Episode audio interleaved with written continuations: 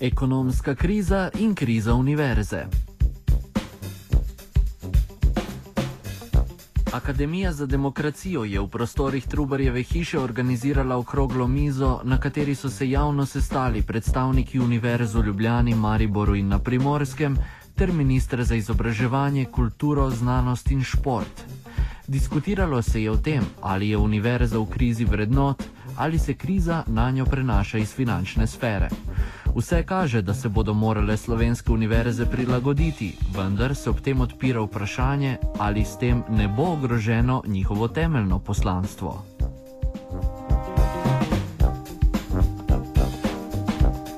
Poslušalce naj sprva spomnimo, da v dobrih 20 letih samostojne Slovenije nismo uspeli sistemsko rešiti financiranja javnih visokošolskih zavodov.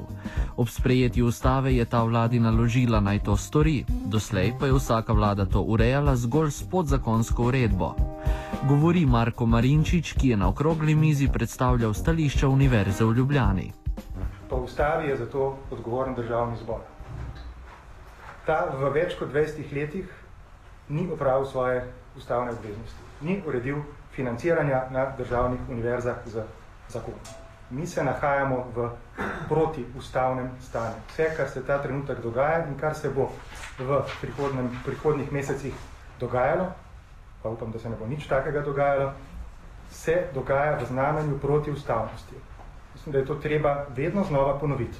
Največja odgovornost je tukaj na državnem zboru. To ni samo odgovornost vlade, odgovornost posameznega ministra, ampak je odgovornost državnega zbora. Preteklo leto je ustavno sodišče presodilo, da je takšno stanje neustavno. To pa je postala le še ena v vrsti presoj ustavnega sodišča, ki je končala ad acta. Thank you.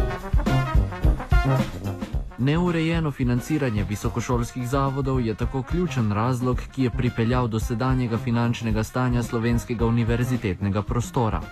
Sedanja vlada pa je financiranje iz pravnega diskurza prenesla v neoliberalno retoriko. Ministra Žiga Turka se je zato vprašalo, ali univerze razume predvsem kot proizvajalke znanja ali kot njegove prodajalke. Poslušajmo njegov odgovor. No, to je stvar, uh, ko bi rekel, semantike oziroma izbire besed. Dejstvo je, da naloga univerz je, da znanje ustvarjajo, da ga posredujejo uh, in da ga tudi hranijo oziroma čuvajo. In vse te funkcije, in to bi bila neka druga razprava, ki ne bi imela zveze toliko z sedanjostjo ali pa prihodnostjo naslednjih 12 mesecev, je, da je celoten univerzitetni svet, prostor svetovni, zaradi informatizacije in globalizacije postavljen v zelo težko situacijo, ker ustvarjati znanje, posredovati znanje, hraniti znanje je vse manj, kako rekel, monopol uh, univerz oziroma javnih raziskovalnih zavodov. Vedno več tega se dogaja zunaj. Kdor bo ministra Turka prijel za besedo, mu bo tako jasno, da pri tem seveda ne gre zgolj za semantiko, ampak za celovito razumevanje vloge visokega šolstva in, njene, in njegovega pardon, poslanstva. Ali bi javno visoko šolstvo moralo biti avtonomno? Kaj o tem meni minister Turk? Mi imamo tukaj nekoliko drugačno izhodišče, ker izhajamo iz stanja, ko smo avtonomiji rekli samo upravljanje. Uh, in seveda ali znamo definirati, če je razlika med samoupravljanjem in avtonomijo, samo sprašujem. Ne? In če ne znamo, potem trdim, da ne vemo, kaj je to avtonomija. Avtonomijo visokega šolstva v slovenskem prostoru po mnenju ministra torej ne določa avtonomija raziskovalne dejavnosti in pedagoškega procesa, ampak ostanki prejšnjega sistema. Pa je temu res tako? Poslušajmo, kaj o avtonomiji univerze sicer meni Marko Marinčič edina obstoječa interpretacija um, 58. člena ustave, ki govori o avtonomnih univerzah, uh, ki jo je podalo ustavno sodišče, govori o tem, da gre tukaj v resnici po eni strani za avtonomijo raziskovanja in poučevanja in umetniškega ustvarjanja brez političnih pritiskov, po drugi strani je pa avtonomija univerz kot institu, institucij in nas, ki na univerzah delujemo, omejena z našim javnim poslanstvom, ki je pa povezano seveda z pravico prebivalcev Republike Slovenije do izobrazbe. Univerze so torej zaradi varčevalnih ukrepov zašle v finančno krizo, iz katere za marsikatero fakulteto ni drugega izhoda kot uvajanje šolnin. A v izogib tej bogokletni besedi in ukinjanju nekaterih študijskih smeri jim ne uide drugega kot odpuščanje ali pa razpis zgolj izrednih smeri za določene študijske programe. Ministra smo vprašali, ali za univerze kot javne zavode obstaja opcija stečaja kot alternativa takšnemu razpletu. Uh, stečaj uh, ni opcija. Mi od vseh javnih zavodov na vseh področjih zahtevamo, da moramo zahtevati, da zaradi uh, rebalansa proračuna ZUJFA in tako naprej, da so popravili finančne načrte za letošnje leto, prilagodili tudi tiste za naslednje uh, in ne smejo predvideti uh, negativnega izida. Glede na to, da stečaj ni opcija, obstaja opcija šolnin, minister odgovarja. Šolnin ne dovoljuje zakon o visokem šolstvu, tako da naš odgovor bo, da je zakon tak, da, da šolnin ne dopušča.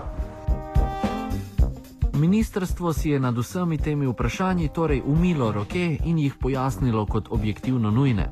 Objektivno nujne so seveda zaradi splošne finančne krize in domnevne potratnosti javnega sektorja v Sloveniji, ki je moral svoj proračun umakniti financiranju poslovnih izgub bank.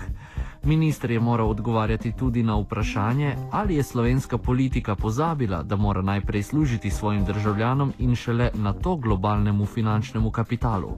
Prisluhnimo še temu odgovoru. Ja, sej mislim, da je odgovor na to vprašanje jasen. Ne? Samo drug del oziroma naslednje vprašanje je potem nazaj. Ne?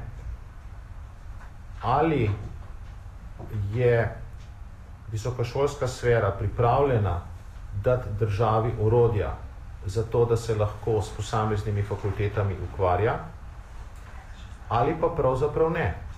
Ker mehanizem, ki ga imamo trenutno na voljo, imamo mehanizem, ampak nimamo pa denarja, ne, je, da dvignemo splošen nivo financiranja in upamo, ne, da se bo dovolj prelilo tudi k tistim, ki ste na, uh, kako bi rekel, uh, potegnili kratki konec palice. Ne? Imeli smo sistem do ne vem, leta 2004, ne? ko je država financirala vsako fakulteto, skoraj vsakega učitelja posebej, pa je, bilo to, uh, torej, pa je bil ta sedanji sistem uh, označen kot, kot napredek. Ne? Seveda bi lahko govorili tudi o tem, eh, kaj je krivo za krizo in zakaj smo v, takih razmerah in tako naprej. Bojim se, da tukaj ne bomo imeli uh, istih pogledov in tudi nobenih uh, dodatnih sredstev ne bomo z razpravo o tem prislužili. Offside je pripravil Luka Tetičkovič. Offside.